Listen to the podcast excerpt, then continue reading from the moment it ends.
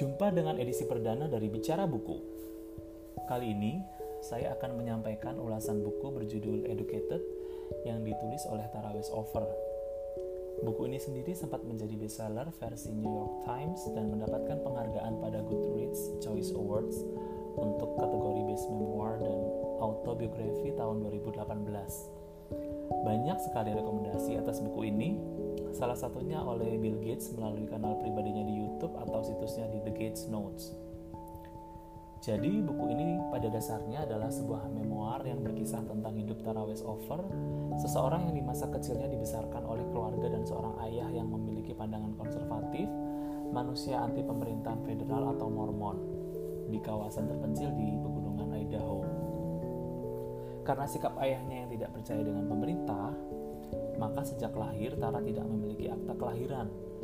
Begitu pula dengan beberapa saudaranya, Selain itu, karena ayahnya menganggap bahwa pendidikan di rumah lebih baik daripada pendidikan umum milik pemerintah, Tara Westover sama sekali tidak menerima pendidikan dan satu-satunya buku yang dipelajarinya adalah kitab suci.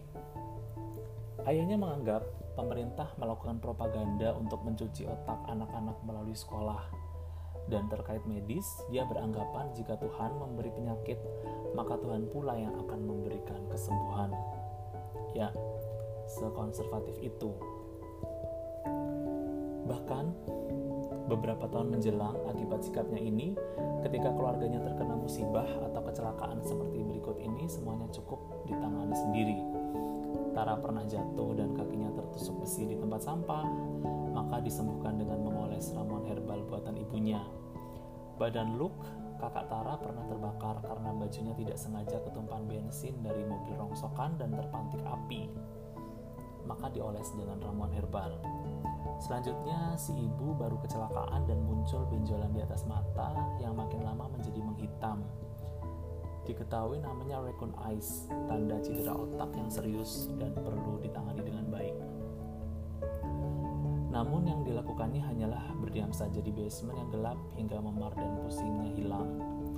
Bisa dibilang sebagai sebuah keluarga yang tidak percaya dengan medis profesional, ada banyak sekali kejadian yang mengharuskan mereka untuk ditangani segera namun karena ayah yang kolot dan konservatif inilah ditambah ibu mereka yang menurut atas apa pun, mereka harus menahan rasa sakit dan tetap menjalani aktivitas layaknya biasanya.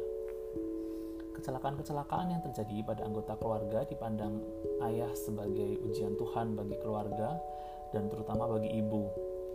Keluarga mereka percaya bahwa ibu mereka adalah manusia pilihan Tuhan yang diutus untuk membawa kesembuhan bagi orang-orang yang taat yang menentang ilmu medis modern. Jadi bisa dikatakan pekerjaan ibu sebagai bidan tanpa lisensi dan pembuat ramuan malah jadi anugerah buat mereka. Bahkan, ibunya mulai terkenal sebagai pembuat ramuan herbal terpandang ke seantero Amerika akibat kemampuannya meracik ramuan yang mampu menyebabkan luka secara alami meskipun perlu waktu yang panjang dan proses yang lama sekali.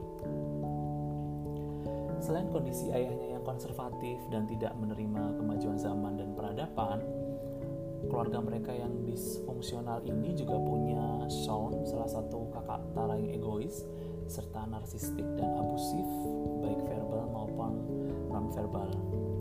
Beberapa kali hidup Tara menderita lahir batin gara-gara dia.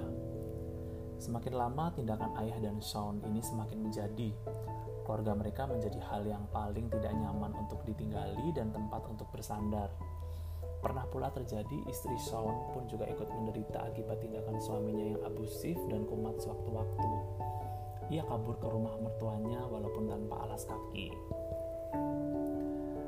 Satu-satunya hal yang menyelamatkan Tara untuk tidak terjebak dalam keluarganya sendiri adalah keputusannya untuk belajar mati-matian dan ikut kejar paket. Akhirnya, dia diterima di BYU Brigham Young University tahun 2008 dan mendapatkan beasiswa Gates Cambridge Scholarship. Dia juga pindah ke dormitory.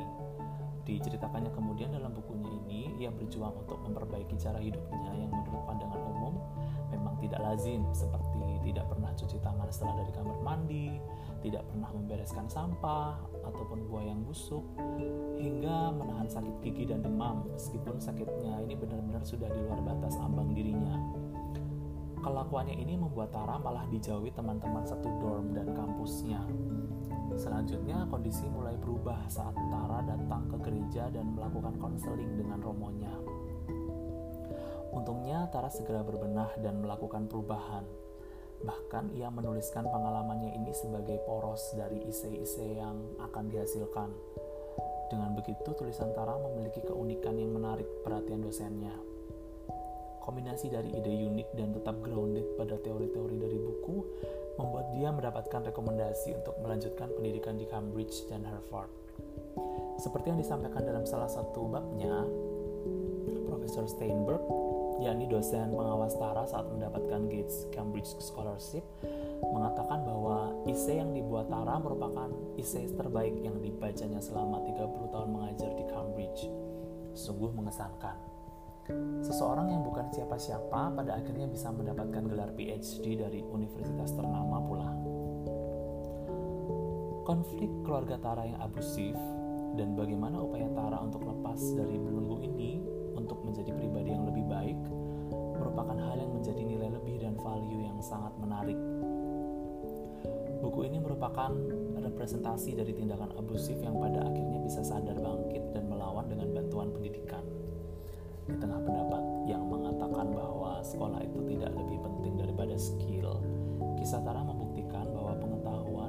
apa pun itu bentuknya pasti punya manfaat di kehidupan kita Kisah Tara membuktikan bahwa edukasi masihlah penting dan relevan. We don't study to get a job, we study to educate ourselves. Hikmah yang bisa diambil dalam buku ini adalah sebagai berikut. Pertama, adalah bahwa sering kali orang yang bikin kita terpuruk dan tidak bisa berkembang adalah keluarga kita sendiri.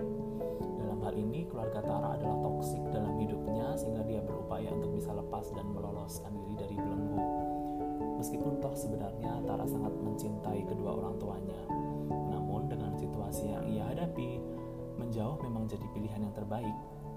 Tara menjadi contoh bahwa kita memiliki pilihan untuk keluar dari situasi terburuk dengan keberanian meskipun ia harus membayar mahal atas keputusannya. Dalam bukunya, Tara bilang, You can love someone and still choose to say goodbye to them. You can miss a person every day and still be glad that they are no longer in your life. Hikmah selanjutnya yang bisa dipetik adalah pendidikan sangat berpengaruh dalam membentuk seseorang. Pendidikan membuat kita bisa merasionalkan nilai-nilai yang kita dapat dari pihak luar, membuat kita bisa berpikir dengan lebih baik dan membuat kita memahami apa yang dahulu bahkan tidak terlihat karena kita tidak punya pengetahuan tentangnya. Seperti yang dia bilang dalam salah satu wawancaranya dengan Bill Gates, I worry that education is becoming a stick that some people use to beat other people into submission or becoming something that people feel arrogant about. I think education is really just a process of self discovery, of developing a sense of self. And what you think? I think of it as this great mechanism of connecting and equalizing. Penjelasannya adalah dia sendiri takut pendidikan yang tinggi akan menjadi sesuatu hal bagi sebagian orang untuk merasa dirinya lebih pintar atau lebih sombong. Padahal tujuan pendidikan bukan seperti itu. Ia adalah self discovery, bagaimana mengembangkan diri sendiri dan apa pun yang dipikirkan. Itu merupakan mekanisme terbesar untuk kita sebagai manusia agar tetap terkoneksi dan setara. Educated ini merupakan kumpulan tulisan yang menjabarkan proses self-discovery seorang Tara Westover.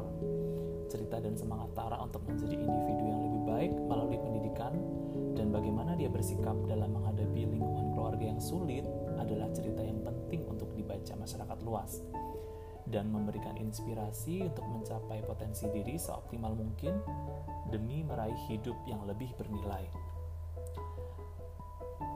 Demikian episode pertama bicara buku kali ini. Semoga Anda terhibur. Sampai jumpa dalam episode bicara buku selanjutnya. Terima kasih.